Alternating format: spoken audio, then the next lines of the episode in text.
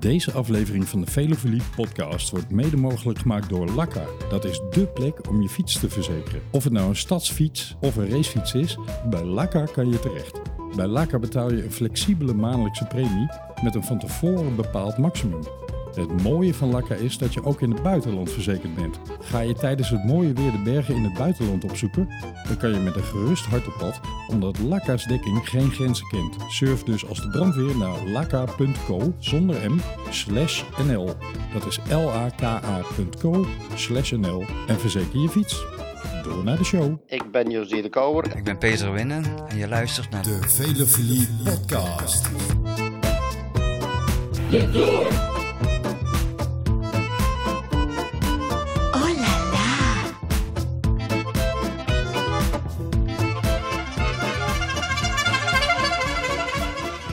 Vanuit Fantastisch. België, groeten José de Kouwer. Goedemorgen, middag en avond, beste wielervrienden en vriendinnen.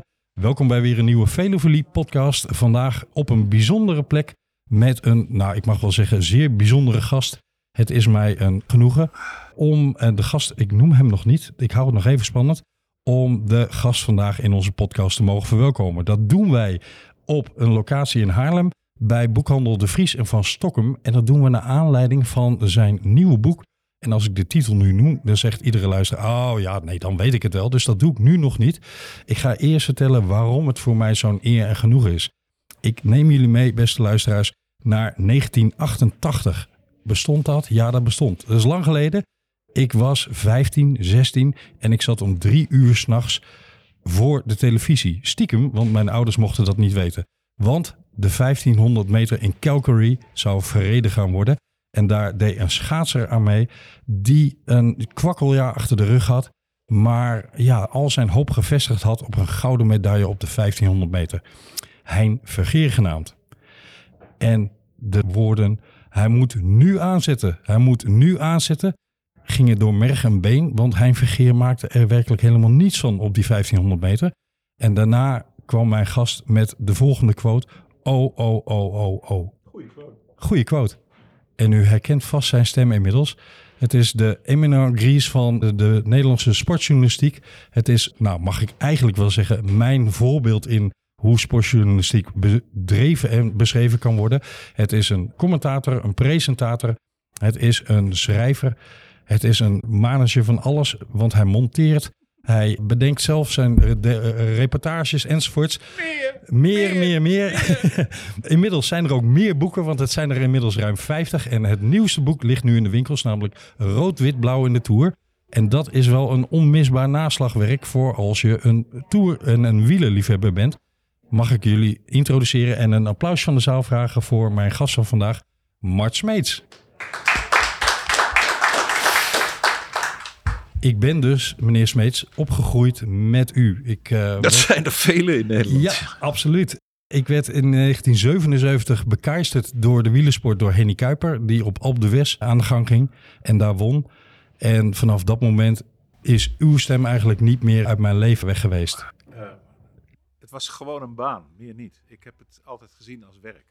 En ik kan er ook niks meer van maken. En ik weet dat ik wielerliefhebbers tegen de haren instreek als ik dat zeg. Maar het is voor mij gewoon werk. Maar Ik wel werk met passie. Nee, zeker geen passie. Nee? Nee. Want hoe kan je passie voor iets hebben waar je steeds be- besodemieterd wordt? Dat is zo. En tegelijkertijd, ik, ik wil daar later nog even uitgebreid op terugkomen. eh, maar we, kun- kunnen kunnen het ook nu doen hoor. Eh, tegelijkertijd, ik herinner mij de Tour van 1986. Bij de Velofilie podcast hebben wij een onmogelijke serie. Namelijk de mooiste grote ronde ooit. En eh, mijn keuze daarvoor was de Tour van 1986. Hino versus Le Monde. En ik herinner mij, eh, dat zit ook in de uitzending die wij gemaakt hebben. Jouw commentaar daarbij als ze samen op eh op Daar had ik niet echt door wat er aan de hand was. Nee, maar Daar je, was ik heel slecht.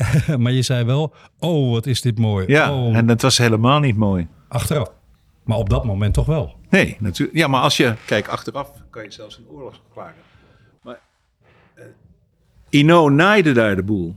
Zeker. Ja, dat is niet fraai. Nee, Maar in wielersport mag dat. moet het zelfs. Nou, dat weet ik niet. Is, Daarom ben ik geen wielrenner geworden, maar een simpele basketballer. Wordt er in basketbal niet gebruikt dan?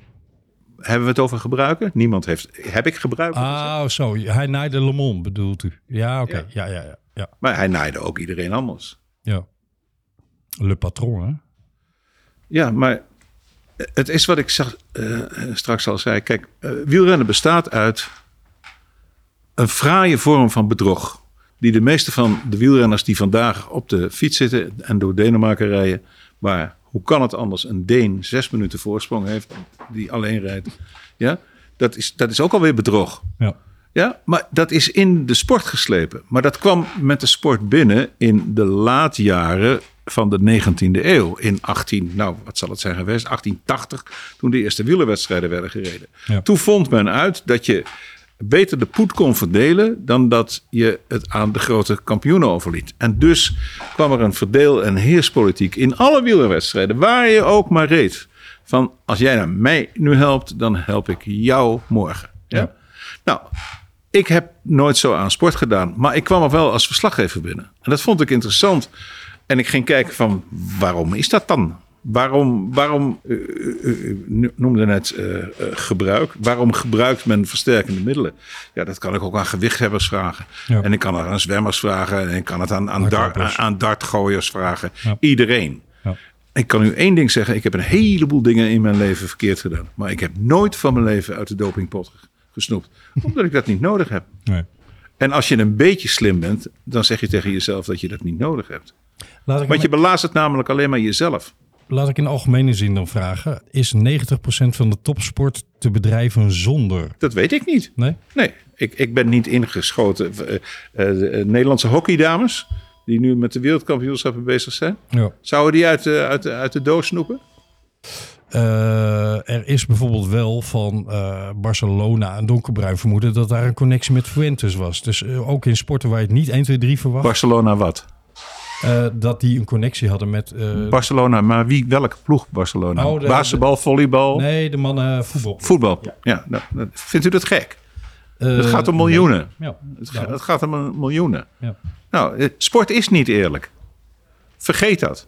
Op deze zondagmiddag kan ik dat rustig tegen u zeggen. Ik heb 45, bijna 50 jaar in- de sportwereld gezeten. Het is niet eerlijk. Je wordt belazerd waar je bij zit. Sport is toch per definitie niet eerlijk, want je bent op zoek naar een winnaar. Dus ja, wat is daar eerlijk aan? Nou, als, als ik gewoon door hard trainen een wedstrijd weet te winnen, dan doe ik dat op eerlijke manier. En ik heb dat zo altijd gedaan. Nou is eh, Sven Kramer een, eh, een, een u bijna bevriende sporter. Hè? Hij is niet bevriend. Nou ja, u, Ik ken hem. Ja, u heeft sympathie voor Sven Kramer, maar hij is dan wel geboren met eh, ja, de toevalligheid dat hij hele gunstige genen heeft voor de sport Ja, maar dat weet je niet als je als 14-jarige op een slootje gaat staan en gaat rijden. Nee, dat is waar. Dus het is niet zo dat alles gepreoccupeerd is. Nee. Het is alleen maar, wil je jezelf belazeren, ja of nee? Ja, en daar helpt de kerk een beetje aan. De RK-kerk helpt daar zeer aan. Want in welke sport worden eh, de renners gezegend door meneer Pastoor. En Italië door zelfs de hoogste pastoor die er bestaat, Ja. door de paus. De die zegent de renners. En dus hebben de, de, de renners hebben, kunnen altijd zeggen, de paus vindt goed wat we doen. Ja. Ja, dus accepteer zoals het is. En maak er niet meer van dan, het dan wat het is. Een eh, mooi tijdverdrijf. Je doet er ontzettend veel mensen een plezier mee. Er kijken vandaag kijken er een miljoen mensen. Het is zondagmiddag. Niet overal vallen de mussen dood van het dak. Het is een hele saaie etappe. Er gebeurt helemaal niks. Het wordt alleen maar later. Was te verwachten. Ja? Nou ja, of het te verwachten was. Ja, eh, je hoeft niet te kijken. Nee. Ik, ik kijk niet meer. Ik heb er 42 jaar commentaar bij gegeven. Met erg veel plezier. En ik kon me helemaal op, eh, opfokken dat ik, dat ik er goed in zat. Eh, maar ik ga toch niet naar een peloton kijken van 171 mannen. Die rustig op hun gemak met 32 in het uur over de weg fietsen. En dat moet worden uitgezonden over alle grote stations in Europa. Is het dan... Dus je eh, moet een beetje nadenken over wat, wat, wat, wat we eigenlijk aan het doen zijn met zo'n tour. Ja. Waarom, waarom kijken mensen naar de Tour en niet naar de Giro? Eh, Ja, voor mij en ik denk onze luisteraars persoonlijk geldt dat niet. Maar ik snap de vraag in het algemeen. Er kijken en luisteren veel meer mensen naar de Tour dan... Maar waarom is dat? Weet u dat? Ik heb daar vaak over nagedacht. En volgens mij zitten we in de gouden combinatie de maand juli. Jullie? Dat En- is het enige antwoord. en Vakantie. vrije tijd, ja. Vakantie. Mensen hebben niks anders te doen. Nee. En de hele dag met je vrouw op stap gaan, daar is ook niks aan. Dus gaan ze op het ogenblik naar Frankrijk. Ga je langs de weg staan. Sta je zeven uur in de warmte. Heb je een stokbrood of wat gekocht. En je hebt een beetje Franse kaas bij je. Ja, daar komt een reclamecaravan. Dan duik je op de rommel die zij tussen het publiek gooien. Dan wordt het weer een uur dat rustig. een. Ja, het is echt rommel. En dan komt het peloton. En na 12 seconden is het pel- peloton voorbij. En dan zegt pa tegen zijn kinderen en zijn vrouw: Kom, we gaan maar weer naar huis toe. Dat, dat is naar de tour gaan. Maar ik ontneem niemand de lol. Want het is hartstikke leuk om je kinderen de tour te laten zien. Die van mij, die hadden geen enkele wens in die richting zelfs. Nee, die hebben andere Nee, die hadden andere sporten. Ja, die, ja, dus die, die, die deden het niet. Maar ik vind het, het, is, het werkt vormend. Je kan Frans leren spreken. Je weet wat een een baguette is. Je weet hoe je het schrijven moet en uitspreken. Dat is allemaal hartstikke leuk. Maar het is. Het is een onderdeel van het circus, laat ik het zo zeggen. Dan heb ik het op een nette manier gezegd. Ja. Het is een circus. Nou, je hebt drie circussen in de wereld. Eén is er in mei, die trekt een roze trui aan. De tweede is in juli, die trekt een gele trui aan. En de derde, die wisselt nog wel eens van trui. Dat is, de, ja, dat is de laatste, in, in, de laatste week in augustus en september. De Giro is een veel zwaardere eh, rondrit. De Vuelta is een veel vriendelijker rondrit. En wij maken ons allemaal zorgen om de eh, Tour de France. We, ze- we zeggen ook Tour de France. Als ik dat vroeger zei bij de NOS, dan kwam mijn baas, Bob Spaak, en die zei: Jongen, wij hebben toch Nederlands geleerd? De Ronde van Frankrijk. Gewoon de Ronde van Frankrijk. Ja? Ja. Ja. Maar zo is het. De Tour is een begrip Ja. voor iedereen. De Giro weten ze niet. De Vuelta al helemaal niet. Nee. Al moet ik zeggen dat de toegenomen media tijd in de wereld. Hè, er is tegenwoordig ook meer tijd voor de Giro en meer voor de Vuelta en meer voor de Ronde van Lombardije. Ja, maar daar ben ik niet met u eens. Nee? Nee, dat kan ik ook gewoon bewijzen. Er wordt veel minder gekeken naar wielrennen. Ja, er wordt meer uitgezonden, maar minder gekeken. Dat klopt. Ja. Maar het is wel, u- het is wel dat, beschikbaar. Kunt u dat rijmen? Meer Eh, uitgezonden en minder gekeken. Nou ja, dat zal misschien met commercie te maken hebben in sommige gevallen, ja. Ik wil even inhaken op, op eh, Ja? de discussie Tour Giro gaan we niet voeren. Want ik ben het volmondig eens dat de Giro eigenlijk een veel leukere en zwaardere en mooiere ronde is. Maar eh, ik heb een aantal kleine stellingen die ik hier en daar tussendoor poneer. En eentje daarvan ja, haakt daar wel een beetje op in. En dat is namelijk champagne of Brunello. De Montalcino dan. Dan wel. Ja? Ja, ja champagne moet je eh, niet, niet te vaak drinken. Weet ik uit ervaring. Koppig spul. Ja. Nou, nee. als, je, als je maar gewoon matigheid betracht, dan is het niet zo erg.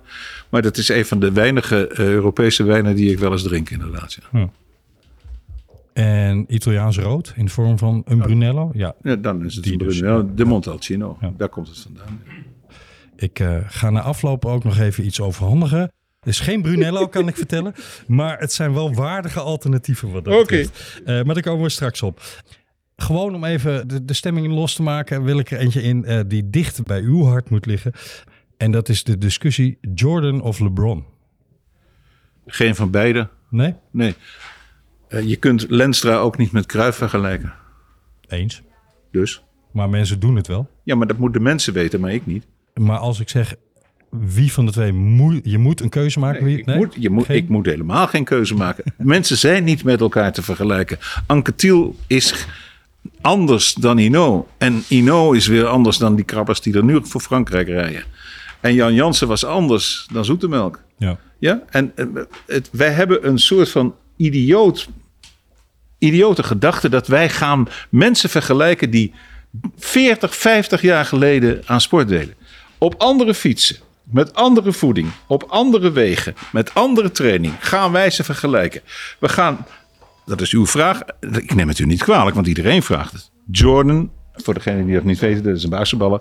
En LeBron is ook een basketballer. Ja. Jordan leefde in de jaren 80. LeBron leeft nu. Hoeveel een- verschil, hoeveel verschil zit daartussen? ja, het is een ander spel geworden basketbal. Ja, nou, dus, drie maar, per- ja, maar dan is het toch ook onzinnig om te gaan vergelijken. Maar wij zijn nou eenmaal een lijstjesvolk geworden. We moeten allemaal lijstjes maken. We moeten allemaal vergelijkingen maken. Ik zie daar geen been in. Lijstjes komen ook voor in, nou het zijn geen lijstjes, dat zou oneerbiedig geze- gezegd zijn. In uw nieuw boek Rood, Wit, Blauw in de Tour. Dat is een opsomming en een uitgebreide opsomming van alle mannelijke en vrouwelijke deelnemers die in de Tour hebben rondgereden. Of nog steeds rijden. En daarbij een beschrijving van hun palmares. Een van, korte beschrijving. Ja, een, een, eh, leuke anekdote of een leuke quote. Dat was, dat was het begin. Dat, zo had ik gedacht dat het zou moeten. Hoe kwam je op, op eh, de, de, behoefte om dit boek te maken? Is dat voort- Covid? Ja, Covid gaf mij ruime gelegenheid om te gaan werken. want er zit veel werk in. 16 maanden. Dat bedoel ik. Ja, maar Het was, dat was het zeer, zeer de moeite waard. Ik ben in die maanden bijna niet buiten geweest. Nee. Heel dus het was, het, ik, ik had gewoon niks anders te doen. Daar kwam het op neer. Dus ik ben. Kijk, er bestaat een boek. Ehm, en ik denk dat u dat wel heeft. Dat is van Wim van Eilen. Dat is een voorganger van mij. Een eh, gestorven eh, journalist. Hij was 83, 84 toen hij doodging. En die schreef een heel lief boekje met alle Nederlanders in de Tour. Totdat hij eh, een punt achter dat ding zet. Ja. Heeft, heeft iemand van u dat boekje? Ja, het is, het is een bekend boekje wel. Ik heb het zelf niet, maar wel in handen gehad. nou, ja. het, ja, het, is, het is een aardig boekje, maar het is ontzettend lief geschreven. Ja. Het is van een ehm wielerliefhebber. En ik acht Wim van Eilen heel erg. Dat vind ik een, dat was een prima collega. Hij wist overigens evenveel van jazz en evenveel van andere spelletjes als van wielrennen. Dat zijn hele leven bestond uit het verzamelen van gegevens. Dat was een ontzettend leuke man. En, die, en dat boekje kreeg ik van mijn vader, niet, niet lang voordat hij doodging. En die zei, misschien dat je hier iets aan hebt. Eh, mijn vader was wielersponsor vroeger. Ja. Eh, en, en, die, en zei van, lees maar eens wat ze over die, die oude knarren schrijven. Nou, ze, daar stond niet zoveel over die oude knarren in. Toen dacht ik van, ja, maar je moet ook proberen om zo'n oude knar te vinden. En wat heeft hij gedaan en wat is hij geworden. Dus heel veel oude knarren heb ik gevonden. Er is over ze geschreven. Je kon krantenknipsels kon je vinden. En zo soms eh, kon ik er nog één vinden die 78 of, of 84 was. Ik was. Verleden week was ik bij een wielrenner die de Tour gereden heeft. Die was 84. Die fietste nog steeds, vertelde hij. Geweldig. Geweldig. En hij vertelde ook, zijn naam is Van Espen, Kees van Espen. Won een etappe in de Tour van 63, denk ik. Eh, en hij vertelde een verhaal. Hij zegt: Kijk, wielrennen verleer je nooit, maar vriendschap, dat verlies je nooit. Ik zeg: Hoezo? Meneer Van Espen, meneer Van Espen. Hij zegt: Weet je wat ik nog doe? Ik ga eens in de twee maanden. En dan rijden we naar elkaar toe. Ik zei: Wie zijn we? Jaap Kersten, Huub Silverberg en Kees van Espen. Die reden in de jaren 60 reden de Tour. Die zagen af als beren. Dat waren geen renners die een salaris kregen. Nee. die kwamen de Tour uit en dan, als ze een beetje mee zat, hadden ze 4 tot 500 gulden verdiend.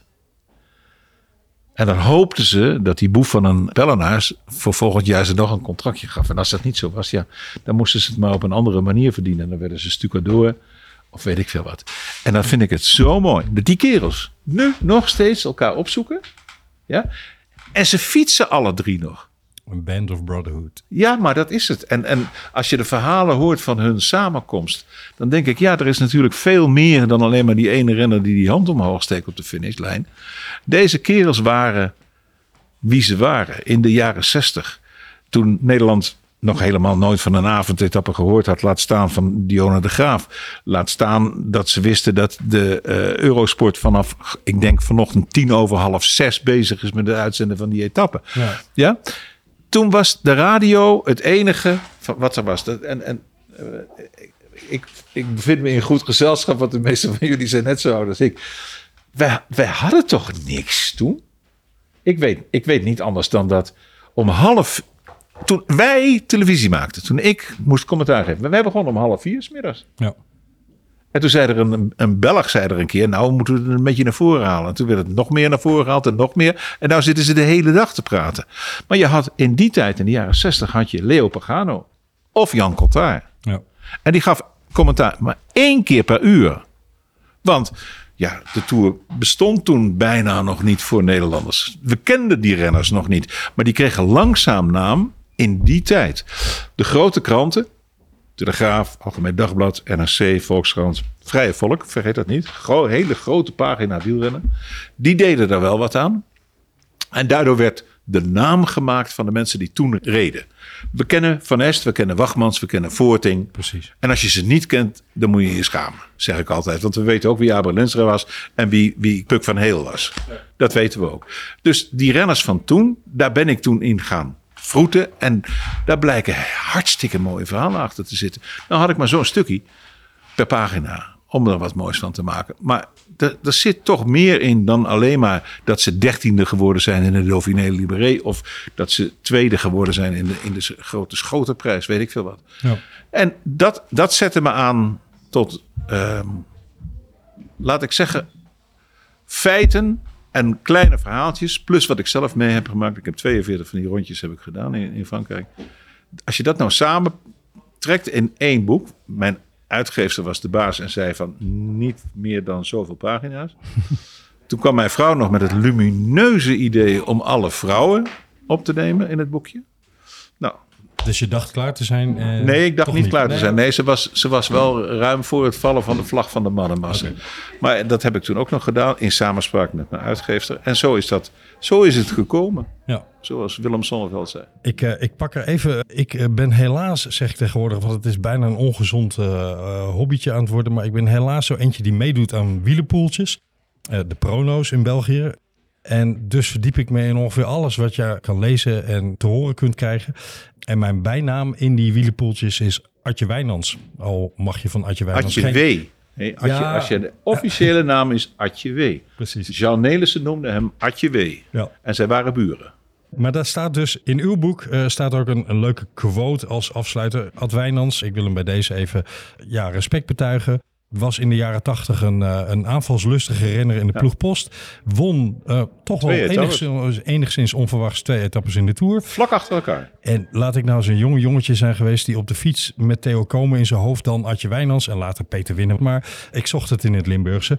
Maar Adje Wijnands was de eerste en die heeft een paar jaar geleden in het ziekenhuis gelegen. Is gelukkig daar weer enigszins van hersteld. Maar dat heeft er even omgehangen. En in uw boek staat dan ook de quote over Ad Wijnands.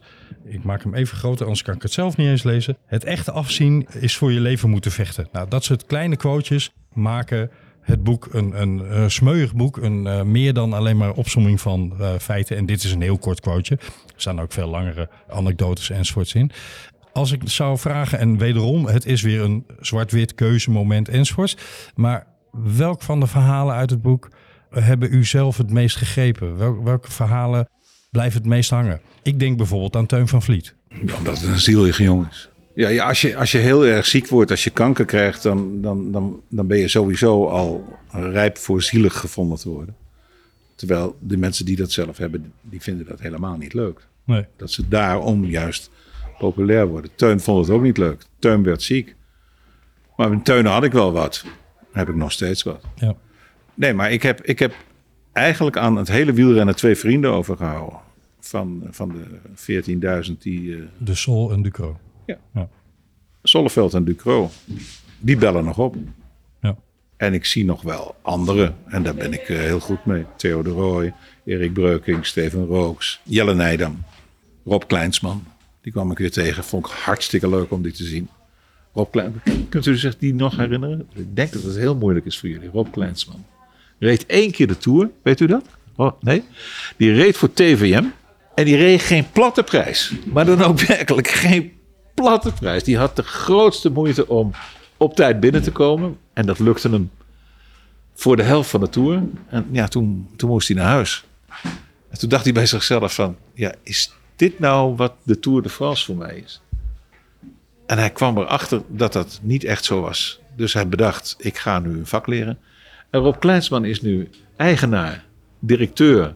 van een van de grootste wielerkledingzaken in Nederland. Ja. Dat is toch fantastisch? Dat je dat, je dat kan worden. Eh, Fietsen, dat, oké, dat heeft hij even gedaan. Maar dan moest hij achter die rappe Belgen en die Fransen aangaan dan niet. En hij heeft een vak geleerd. En hij heeft een, een, een im- imperium neergezet van, van wielerkleding. In het oosten van het land. En een heleboel zaken, vriendenclubjes, eh, weet ik veel wat. zijn allemaal klant van, van hem. ja, klopt. Rob Kleinsman. Eén keer de Tour gedaan, niet uitgereden. Ze gingen, want ik zei, eh, Rob, ja, zegt hij dan, ze gingen vandaag zo verschrikkelijk hard. Ik zeg, hoe, hoe ben je dan thuis gekomen? Zei hij, ik heb geen idee. Ik heb geen idee. Dan keek hij ook zo aan. En dat nam je hem ook helemaal niet kwalijk. En ik denk dat een groot gedeelte van de 200, wat was het? 58 renners eh, van, van, van Nederlands bloed. Dat die geen idee hadden hoe ze in Parijs zijn gekomen. Daar heb ik het niet over de Zoetemelks, de Jansens, de Teunissen, de Rooks, de, de, de, Breukings. Dat niet natuurlijk. We hebben een upper echelon hè, waar, waar Winnen bij hoort, waar Van der Velde bij hoort, waar Dumoulin bij hoorde. En wie weet hè, Van der Poel nu en Van der Poel vroeger. Maar het grote deel was... In de jaren 50, 60, 70 was het grootste deel van de Nederlanders na één week naar huis toe had ook iets met de betalingen van Pellenaars te maken. Maar, maar had, nee, had met van alles te maken. Pellenaars zocht mensen die die kon uitbuiten. Ja. En uh, ja, dan heb je weer dat bedrog.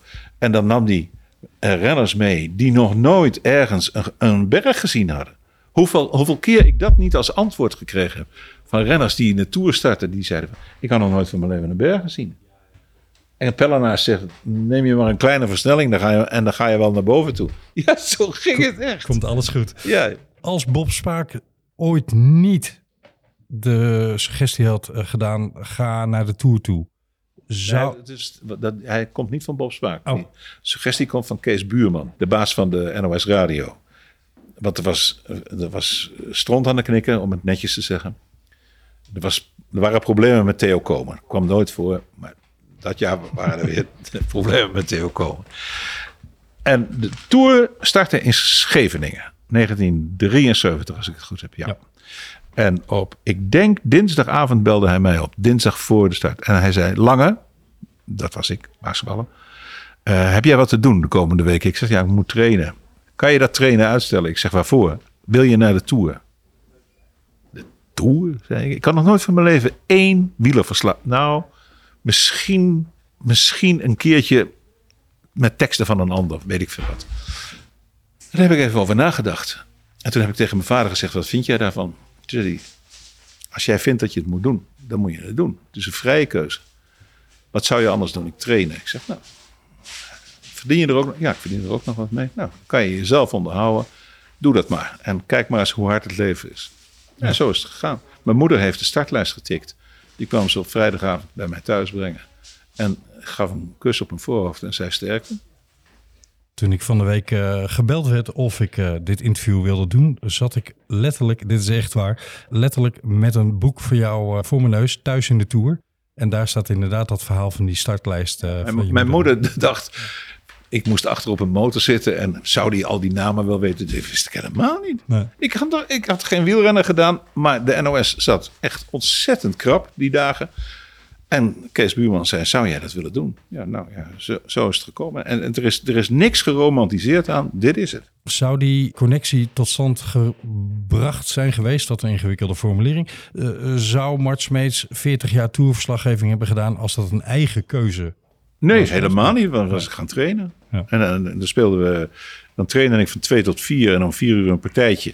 En na het partijtje gingen we naar een terras toe, naar een biertje. En dan ging je naar huis toe, dan ging je muziek maken. Je ging naar de meisjes toe, weet ik veel wat. Maar nee, helemaal niet. Het was nooit in me opgekomen. Nooit. Sportverslaggeving was niet de droom, zeg maar. Nee, ik, ik wilde historicus worden. Ja. Of leren Nederlands. Of leren Nederlands. Ja, maar ja, dat is een tussenstapje. Ja. Ja, dat, dat, dat, dat voorzag ik. En mijn moeder vond het wel goed, historicus. Nou ja, dat past je wel, want je, ik was geïnteresseerd in geschiedenis, ben ik nog steeds. En uh, zij dacht, het is een leuk, een, leuk vak. En mijn moeder, vlak voordat ze dood, zij overleed in 87. En ik bezocht haar een half jaar voordat ze doodging. Toen had, vroeg ze aan me, en ze was heel serieus. Ze zei, dan moet ik toch eens even van je weten, zei ze. Zou je eens niet een vak leren? En dat meende ze ook. Oké. En eigenlijk heb ik dat veel te laat gerealiseerd dat ik mezelf dat ook had moeten afvragen. Nou, uh... ergens onderweg had, had er toch een, een moment moeten zijn dat ik dat had moeten vragen aan mezelf. Maar al, als het dan gaandeweg ontstaan is, het is wel degelijk een vak natuurlijk. Het is een vak. Ja. ja maar en, ik, ik, ik, prijs me ook ontzettend gelukkig dat ik, de, dat ik die mogelijkheid gekregen heb. Ik heb inderdaad alles geleerd. Ik heb leren commentaar geven, ik heb stukjes leren maken, langere films leren maken. Ik kan monteren, ik kan camera, ik kan geluid en ik kan licht doen. Dat, dat zat allemaal toen in het, zeg maar, pakket. Hoe word je een sportverslaggever? Ja. En dat is dan weer van Bob Spaak afkomstig. Ik eh, herinner me nog levendig bijvoorbeeld de documentaire die je over Rick Smits gemaakt hebt, om maar een voorbeeld te noemen. En zo zijn er vele van die. Ja, dat zijn niet echt doc- documentaires, Ja, gaan wat dieper. portretten. De portretjes Ja, waren het. Sport, sportretten noemen we Ja. zo. Heerlijk. Nee, ja, is dat, een, is dat een, een uitstervend vak in de commerciële, snelle wereld die er tegenwoordig is? Ja. Is dat te betreuren? Nee, want de wereld verandert. Ja. Dus dat, eh, nee, dat is helemaal niet Hoeft zo. niet altijd ten gunste te zijn. Nee, dat is ook niet zo. Maar het, het heeft ook geen pas om te mopperen. Nee. Ik, ik constateer het en dan, dan geef ik het een naam. En daar mag je het mee eens zijn of niet mee eens zijn. Je kunt erover discussiëren. Maar ja, natuurlijk verandert de, de wereld. Eh, Kijk, iemand die nu bij televisie begint, die wil een talkshow leiden of een quiz. Dat is de keuze. Ja, dat is het. En ik, heb geleerd om gewoon met een cameraman en met een geluidsman... en als het s'avonds moest, met een lichtmeneer ergens een opstelling te maken... en dan eh, iets moois te maken. Ik herinner mij twee, volgens mij voorkomen voor de vuist weg momenten van u. Eén was bij het overlijden van Daniel. En als ik Daniel mag zeggen natuurlijk. En twee was bij het overlijden van Kneteman. Geïmproviseerde momenten Ja. waarvan ik mij nu afvraag. En zonder dat ik daarmee een soort van eh, hak wil zetten. Of eh, de huidige journalistiek te, niet wil doen. Of in discrediet wil brengen. Maar zijn er nog mensen die dat kunnen op dit Nee, maar dat is niet aan Of mij om dat te dat zeggen. Maar, want er zijn meerdere mensen die wel eens... Ja, dat moet je leren. Natuurlijk moet je dat leren. Ja, moeten we Kijk, het weer leren? een, een, een ik. fleu de bouche is mij niet vreemd. Nee. Eh, Dus eh, de spreekbeurten op school, die ik bij meneer Hoogteiling in Amsterdam op het Comedisch Lyceum had, die liggen daar, daarvoor in de, in de basis. Heb ik leren spreken. Als je daar een spreekbeurt had, dan moest je ook vijf minuten over een onderwerp kunnen praten. Die twee die u noemt, die lagen mij eh, zeer aan het hart. Ja. Eh, de Neel maakte ik meer mee dan eh, de Kneet. Ehm, beide gebeurden in het buitenland. Ja. Kneet overleed terwijl ik in, god beter het, de beste pla- platenzaak ter wereld in Waterloo en Austin stond. En toen was er iemand en die zei, over twee minuten begint Dione en dan moet je live. En ik was toch, ik, ik had hem goed zitten toen ik eh, gehoord had dat hij, dat hij dood was. Ja. Ehm, overigens zit daar een prachtig verhaal aan. Kunnen jullie, kunnen jullie een geheim bewaren? Niemand luistert deze podcast, dus Het is ontzettend grappig. Ik ben in Austin. Ik ben er om Armstrong te spreken. mag ik heel kort onderbreken? Ja? Nee, dat mag niet. Geen, je mag niet op de tafel slaan. Precies. Ik. ben daar. Mijn vrouw is erbij. We gaan daarna met vakantie, weet ik veel wat. En ehm, ik word wakker. En er wordt eh, medegedeeld dat Theo van Gogh vermoord is. En dan zijn er allerlei Belgische kranten die vragen dan aan mij, omdat ik een Hollander ben, ja, of ik daar een commentaar op wilde geven. Oké, dus dan zit je dus bij het nieuwsblad en het laatste nieuws en het volk en al die kranten La Dernière Heure en, en- en dan vertel je hoe erg het is. Ik ga weer slapen. Er komt een volgend telefoontje. Ik neem op en ik hoor een stem die ik ken. Tony Eijk. Teun. Ah, die teun. En Teun Eijk zegt tegen mij: schrik niet, maar hij is dood. Ik zeg ja, Teun, ik weet het, ik heb al vijf in memoria's gemaakt. Hij zegt: vijf, nu al? Ik zeg: maar waar hebben we het dan over? De kneet is dood, zegt hij. En toen dacht ik: hè? Het het werd ineens heel ingewikkeld. Je hebt dus een aantal keer over Theo van Gogh, die ik ook een beetje kende Ja. heb je gepraat voor Belgische collega's. En dan ineens de kneet is dood. En ik zeg dus nog tegen Teun, zeg ik van hoe, waar? Nou, hij vertelt wat er gebeurd is met vrienden, rijden, bergen, eh, van zijn fiets afgedonderd en klaar. Oh, dankjewel. Ik zeg, eh, wie weet dit allemaal? Nou, jij, jij nu en, eh, en ik en, en, niet zo heel veel meer mensen. Zijn familie weet het. Dus ik denk, oké. Ik zeg, zou, zou, het gek zijn als ik, want ik zit nu in Amerika, waar zit je dan? Nou, moet ik uitleggen. Dat. Zou het gek zijn als ik de redactie in Hilversum, dus ik bel de redactie in Hilversum. Jongens, let op. Dus ik krijg de dienstdoende redacteur van die ochtend. Ja. En ik zeg, hallo, Eh, ik ben op het ogenblik eh, in Austin en ik heb net een telefoontje gekregen. De kneet is overleden. En degene die mij antwoordt, die zegt, wie zegt dat? Ik zeg, dat zeg ik. Want ik ben net gebeld door een van de beste vrienden van De kneep. de kneet, Teun Eijk. Ja, maar ik, eh, ik zeg, weet je wat? Ga de politie van Bergen bellen en kom er verder achter. Hij zegt, ja, maar eh, wie zegt mij dat dat zo is? Ik zeg, nou, dan ga je er toch zelf achteraan. Nou, dat heeft nog even geduurd. Nou, dat kan ik me wel voorstellen dat je bij een overlijdensbericht en een in memoriam even dubbelcheckt. Dat is helaas in de recente geschiedenis ook wel eens misgegaan bij mensen. Hè? Die werden doodverklaard zonder dat ze dat waren. Ja, Dus- maar ik kan me niet indenken dat Teun Eijk daar, dat, dat Nee. uit zijn duim zuigt. Nee, dat Nee, ook niet. huilend. Huilend. Ik heb, ik heb een, een, een nieuwe stelling die hier misschien wel een beetje op aansluit. Ja. Eh, moet een journalist kunnen overtuigen? Moet hij? In wat? In wat hij brengt, in wat hij maakt? Ehm, Of zij? hij gaat er niet, hij gaat, ja, zij, de, ja, hij of zij moet je Ja. tegenwoordig zeggen, dat is waar.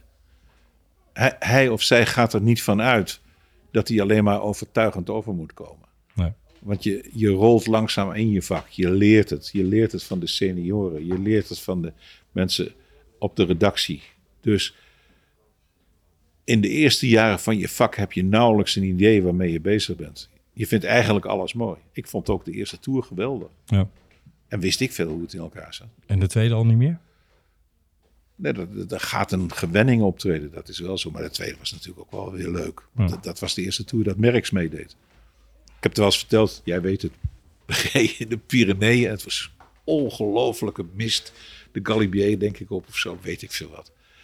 En we, we, we- ik, ik keek, op enig moment keek ik over de schouder van mijn motaar. Dat zijn altijd eh, Vlaamse jongens, hè, daarom noemen we ze motaar. En ik zag de- die kilometerteller, die tikte al tegen de 90 kilometer. En ik denk, mijn god, we kunnen nauwelijks zien waar we, waar we rijden. En hij rijdt met 90 naar beneden toe. Wat ik niet wist en maar wel leerde, was dat die motaars, die hadden allemaal een non-verbale afspraak. Dat op het moment dat jij reed in die koers, dan namen ze allemaal een meter of 30 tot 40 afstand van elkaar. En dan reden ze op elkaars achterlicht Achterlicht, ja, precies. op het remmen, dan wist de rest zo sociaal als het maar kon. Dat is elkaar uit, uit de brand helpen, als er brand was. Maar goed, wij gaan 90 kilometer naar beneden. Dus ik denk nog, goh, dat is best hard. En ineens voel ik een hand en die pakt mij vast om mijn linkerschouder. En ik kijk opzij en ik kijk in het lachende gezicht van Eddie Merckx. En die zegt, welkom in de nieuwe wereld. Die wist dat dat mijn eerste eh, serieuze afdaling was. Geweldig. Welkom in de nieuwe wereld. Ik heb het genoegen beleefd om zelf op twee van die, eh, toen de tijd nog 22 mm bandjes. Tegenwoordig zijn ze iets dikker, maar van eh, diverse Italiaanse en, en Franse calls af te mogen rijden. Er is werkelijk waar, als je jong bent, want nu zou ik het absoluut niet meer durven. Maar als je jong bent, er is niets mooiers dan je voelt je heel leuk. 90 Ik heb ook een keer-. Ik heb met Bert Oosterbos en met Bernard Hinault samen een berg afgereden. Dat was voor de Grand Prix de Nation in eh, Cannes. Ik heb duizend doden uitgestaan. Ik had liever tien straftrainingen in welke basketbalzaal willen maken dan daar met die mannen. Want je wil je, wil, je, wil je, je niet laten kennen. Hè? Nee. Dus je denkt, van, je gaat in het wiel zitten. Dat had ik beter niet kunnen doen. Jongen, jongen, jongen. Maar Je weet niet hoe je remmen moet. Je weet niet wat je met je gewicht moet doen. Boeiend hoor. Geweldig. Ja, dat je wil je niet laten kennen, herken ik. Want ik ben een keer achter Jan van der Velde op een mountainbike op Niet doen. Curaçao. Want de Amstel eh Curaçao race zou daar zijn. En hij was een van de mede-hosten. Maar hij organiseerde ook een eh, mountainbike tochtje. En ik had toen een eh, iets minder volle buik en iets meer fietsbenen nog. En ik dacht, ja, wat er ook gebeurt. Deze oud-prof, die toch 20 jaar ouder is dan ik. Die gaat me er niet afrijden. Nee, nee. En dat lukte ook geweldig op de kleine heuveltjes die Curaçao wel degelijk heeft. Maar dat beviel eh, Johan van der Velde niet. Dus die dacht in een stukje afdaling, nou, toedeledokie. En dat eindigde uiteindelijk met een paar tandwielen in mijn scheenbeen. Ja. Oftewel, ik ging inderdaad wel proberen daarbij te blijven. Ja, dat moet je niet doen met dat soort profs. Die, eh, die kunnen dat veel beter. Nieuwe stelling, Calvinist of joie de vivre? Joie de vivre. Ik, Ja. ben, ik ben sowieso atheïst. Ja. Dus eh, ik, ik, mijn leven wordt niet bepaald door iets wat ik niet kan zien, niet kan voelen, niet kan horen, niet kan toespreken en zo.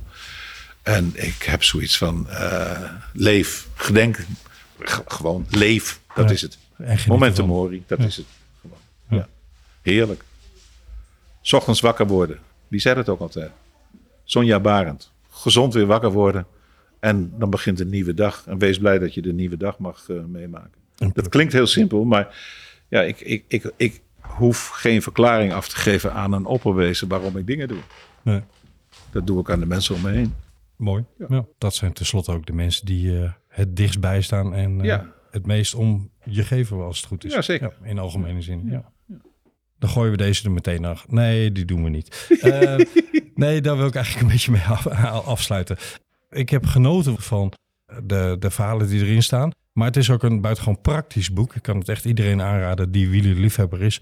Om het gewoon eh, als ja, een soort naslagwerk eh, te Dus gebruiken. het, is, het is ook geen literatuur. maar Het is ik- lectuur. ik vroeg me daarbij af, is het eigenlijk voortgekomen uit de manier waarop jij altijd gewerkt hebt? Want ik, ik weet uit de boeken dat je beschrijft veel research te doen, veel opzoekwerk enzovoorts.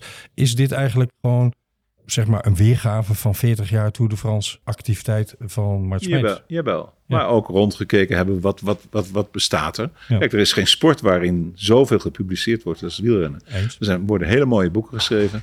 Eh, nooit hoor je iemand praten over een prachtig boek dat over ijshockey is uitgekomen, toch? Eh hockey, een heel klein beetje zwemmen, een heel klein beetje voetbal. Dat hangt aan de successen van Oranje zo'n beetje en aan die schreeuwlelijk van de coach. Daar hangt dat af. En Maar voor wielrennen, daar gaan alle registers voor open. Ja. Omdat wielrennen een heroïeke sport is voor de kijker, luisteraar. Ja. En dat, eh, er zijn hele mooie wielerboeken geschreven. Hele Absoluut. mooie boeken. En ik, ik ben geen mooie schrijver. Ik heb ook niet geprobeerd om hier literatuur van te maken. Echt helemaal niet. Wat ik net zei is juist. Het is lectuur. Je leest het. Want je hebt één paginaatje en daar moet je als het ware een groot deel van het bestaan van een ander levend mens, die misschien van zijn zestiende tot zijn, nou zeg maar, 28ste heeft gekoerst, die moet je in zo'n stukje proppen, persen. Dat is niet eerlijk, dus daar, ga- je, ga, je, ga je dingen doorstrepen. Wat, wat laat je wel weten, wat laat je niet weten. Nou, hoeveel is die geworden in de Ronde van Vlaanderen? Hoeveel keer heeft hij hem uitgereden? Eh, wat deed die Tour met hem? En vooral heb ik gelet op wat ze, wat ze de renners, die 252, wat die gedaan hebben nadat ze gestopt waren. Ja. Dat vind ik dus een heel kostbaar gegeven voor alles. Dat John Thaler een meester in eh, computerwerkzaamheden is geworden, ja, daar kijk je van op. Dat Joop nooit gewerkt heeft, daar kijk ik ook niet van op.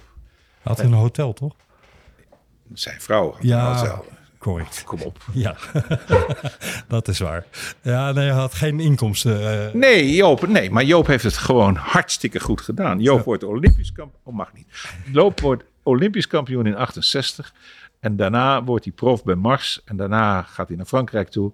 Hij komt zijn vrouw tegen. Ze trouwen, ze krijgen twee kinderen.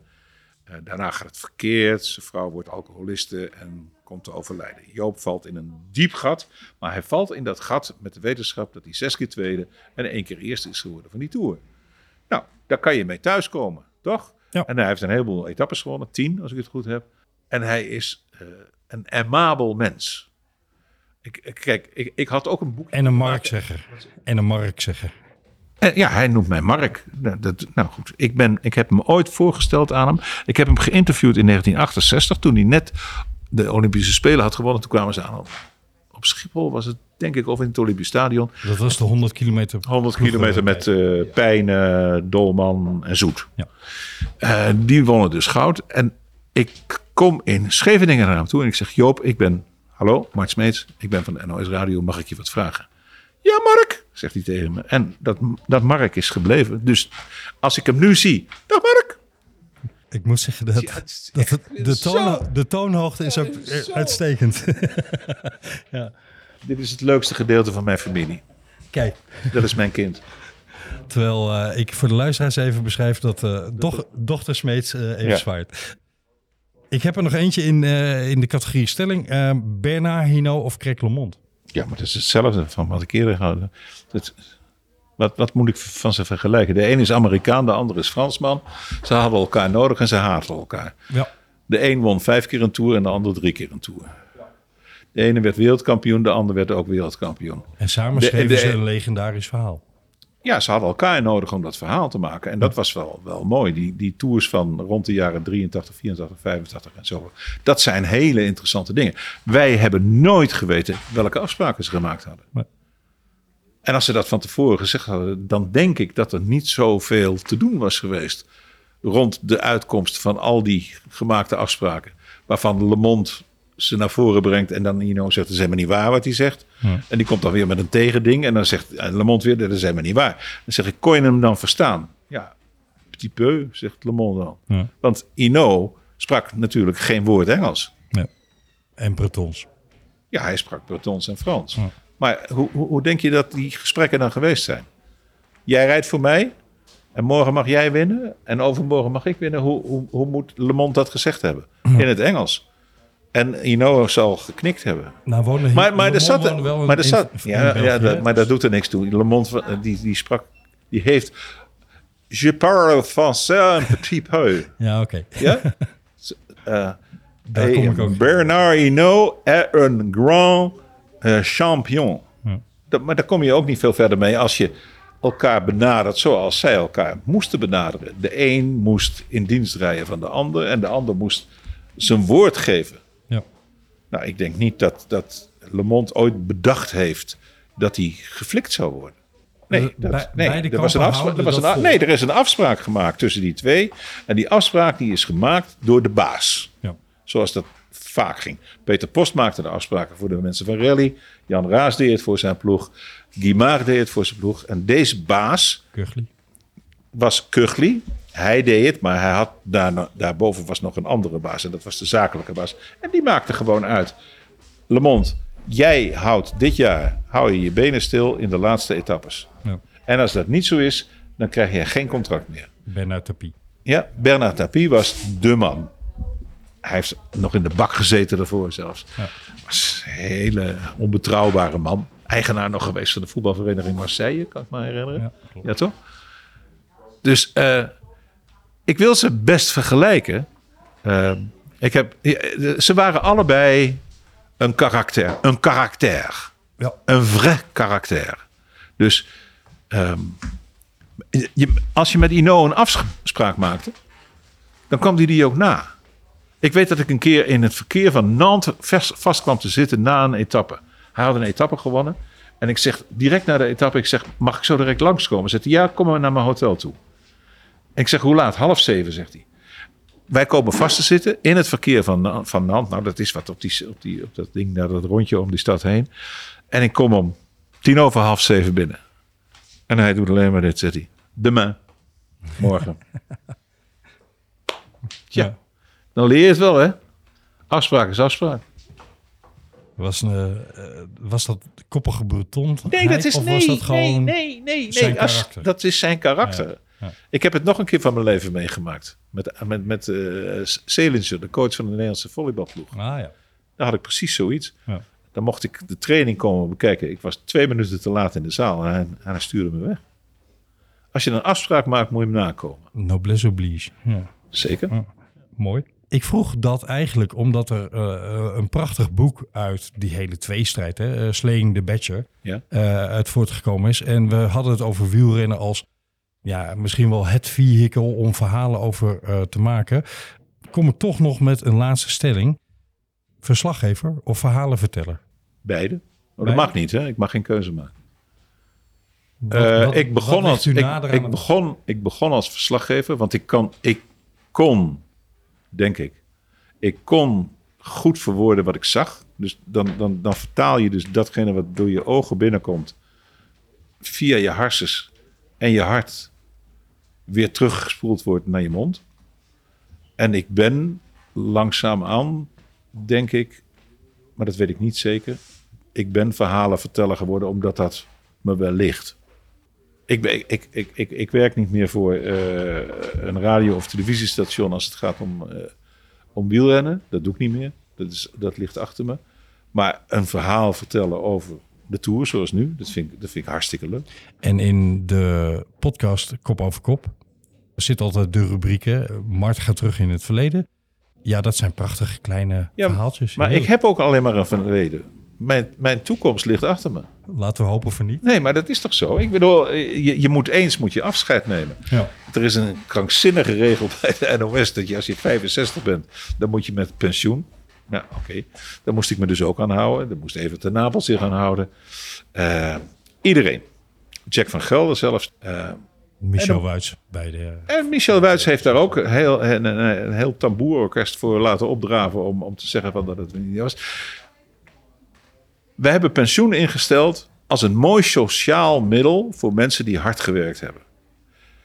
En ik heb ooit de domme fout gemaakt door te zeggen dat eh, mijnwerkers, mensen die op transport eh, werken, mensen die bij de hoogovens werken, die hebben pensioen nodig. Die hebben hun lichaam afgebeuld bij het leven. Ja. Die hebben recht op dat sociaal, die sociale handreiking van de staat der Nederlanden.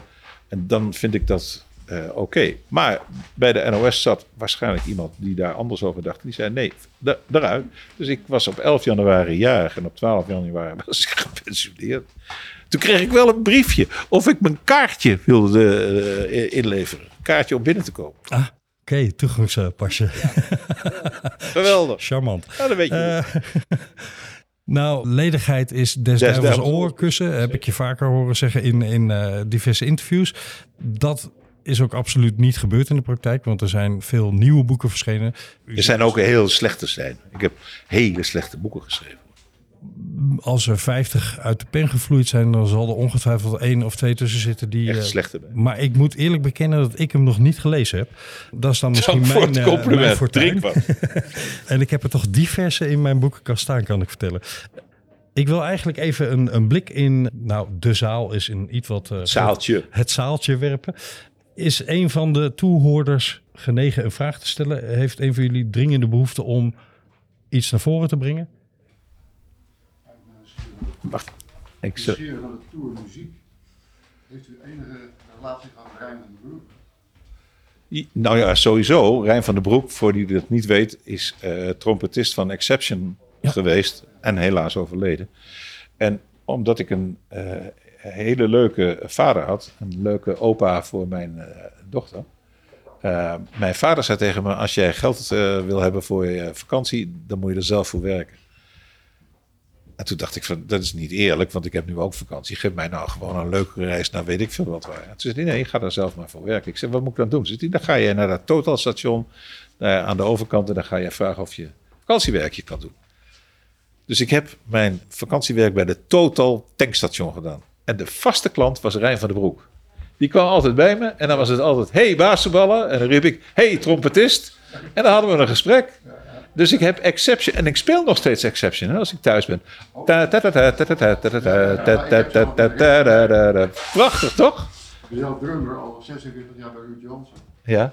Ruud Jansen is een grote vriend van Rick van der Linden. Ja. Die heeft ook het orgel bij hem thuis. Poe, poe, poe. Mooi, hè? Ja, ja.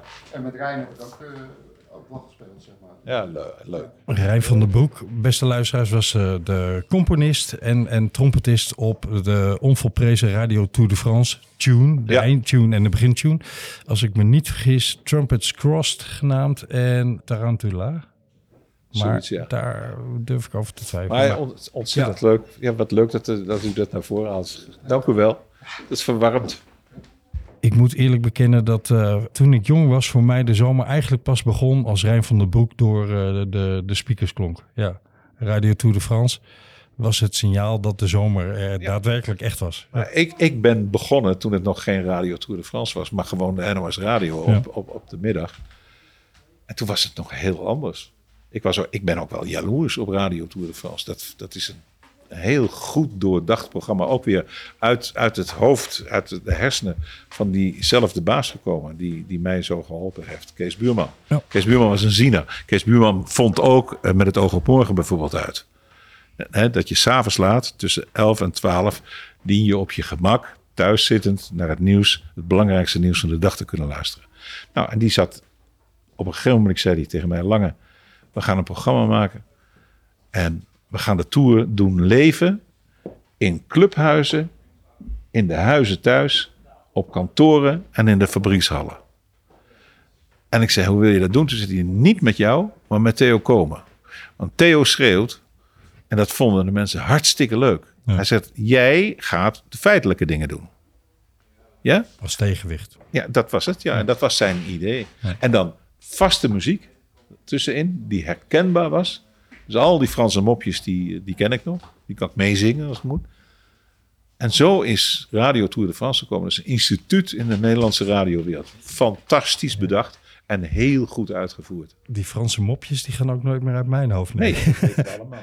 Net zoals eh, de Ma- Amazing Stroopwafels. eh, dat, Ja, ja, dat vond ik dan nog Onderop. minder. Dat, ik, ik vond het Franse aspect zo leuk. Want dan kon je mensen ook Franse eh, muziek leren kennen. En dan kon je ze de, namen meegeven. En dan zei ik ook, dan moet je ze ook proberen te vertalen. Dat is ook heel leuk. Ga maar Frans leren spreken maar. Nou, kijk maar wat het allemaal is. Mijn, mijn, mijn kind loopt hier nu rond. Heb jij Frans gehad op school? Ja, meteen laten vallen. Ook, dankjewel. Zie je? Er zit overigens wel een, eh, een grappig verhaaltje aan, eh, aan die eh Rij van den Broek tune van Radio Tour de France. Want oorspronkelijk geschreven voor het leger. Het was bedoeld als een soort muziekje bij een promofilm om, eh, om militairen te werven. Ja. Maar dat heeft het leger nooit gehaald, zeg maar, dat muziekje. En is Blijven hangen in Hilversum. Ja, en is uiteindelijk dus eh, ja, bij, eh, bij de NOS terechtgekomen.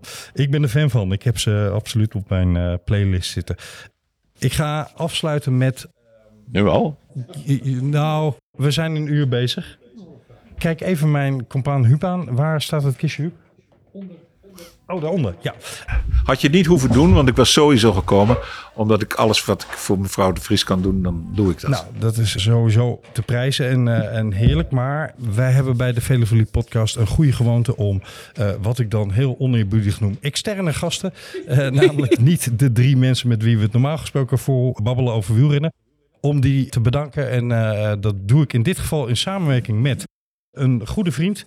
Eh, namelijk Martijn Hendricks van eetwijn.com ja. finoloog en chef-kok.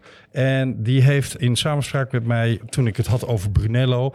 En ik zei, maar ik kan natuurlijk nooit concurreren met alle flessen wijn die inmiddels al voor de heer Smeets verschenen Nee, zijn. dit, is- nee, dit valt reuze mee. Nou, hij zei, laten we eens op zoek gaan naar twee hele leuke alternatieven die daar in de buurt komen. eh, Wat betreft smaak, maar absoluut veel onbekendere zijn dan dat. Dus ik wil graag deze namens Martijn Hendrik van Eetwijn... Mijn, mijn collega. Ja, dankjewel. Nee, niet een eh, toevallig naamgenoot, maar niet de collega. Nee, dit is, Nee, eh, dit is een vriend van mij. en die heet precies hetzelfde. Ja. Oké, dankjewel. Hopelijk, Heel erg, heel erg aardig. hopelijk komen, ze, Ik zal heel voorzichtig moeten fietsen zo komen ze goed op tafel. Beste luisteraars, willen jullie nou ook een, een, hele mooie fles wijn die een prachtig smaakpalet heeft, maar net even anders is dan bijvoorbeeld die bekende Brunello of die bekende Montepulciano? Ga dan naar www.eetwijn.com. Daar kun je namelijk abonnee worden op een wijnpakket. En dan krijg je elke vijf, zes weken krijg je een prachtig doosje met vijf of zes mooie wijnen toegestuurd. Er zitten altijd weer verrassingen tussen. Superleuk. Weet u wie heel gespecialiseerd is in wijn van Montalcino en Brunello? Nee, Peter Notet, zegt u dat nog wat? jazeker. Ja, die woont daar. Oké. En die doet in wijnen.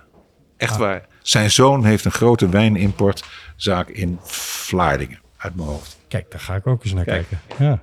Ah, fijn om daar te wonen. Dat eh, is absoluut een gunst. Op die berg, ja. zeker. Meneer Smeets, mag ik u ontzettend bedanken voor eh, uw tijd en eh, mooie verhalen. En blijf ze vooral ook opschrijven, zou ik zeggen. Ja. Blijf dat nog heel lang doen, hopelijk. Hoop ik ook. Dan kunnen wij weer genieten van... Ik ben al bezig met de volgende. Ja? Ja. Wederom over wielrennen. Nee, Wel sport, een beetje sport. roman of... Nee, de eh, harde werkelijkheid van het leven. Kijk, Want iemand heeft bedacht dat Kees Jansma en ondergetekende samen dit jaar 150 zijn. en dat moet gevierd worden. Kees interviewt mij en ik interview Kees. En er mag geen privévragen gesteld worden. Zo, Kijk, en dat wordt een boek. dat is nu al zo. Daar eh, kijken we naar uit. Hartelijk dank. Ik vond het leuk dat ik hier mocht zijn. Merci en geniet eh, van de tour. Beste luisteraars, wij zijn er van de week weer. Bedankt voor het luisteren. Bedankt meneer Smeets en tot de volgende.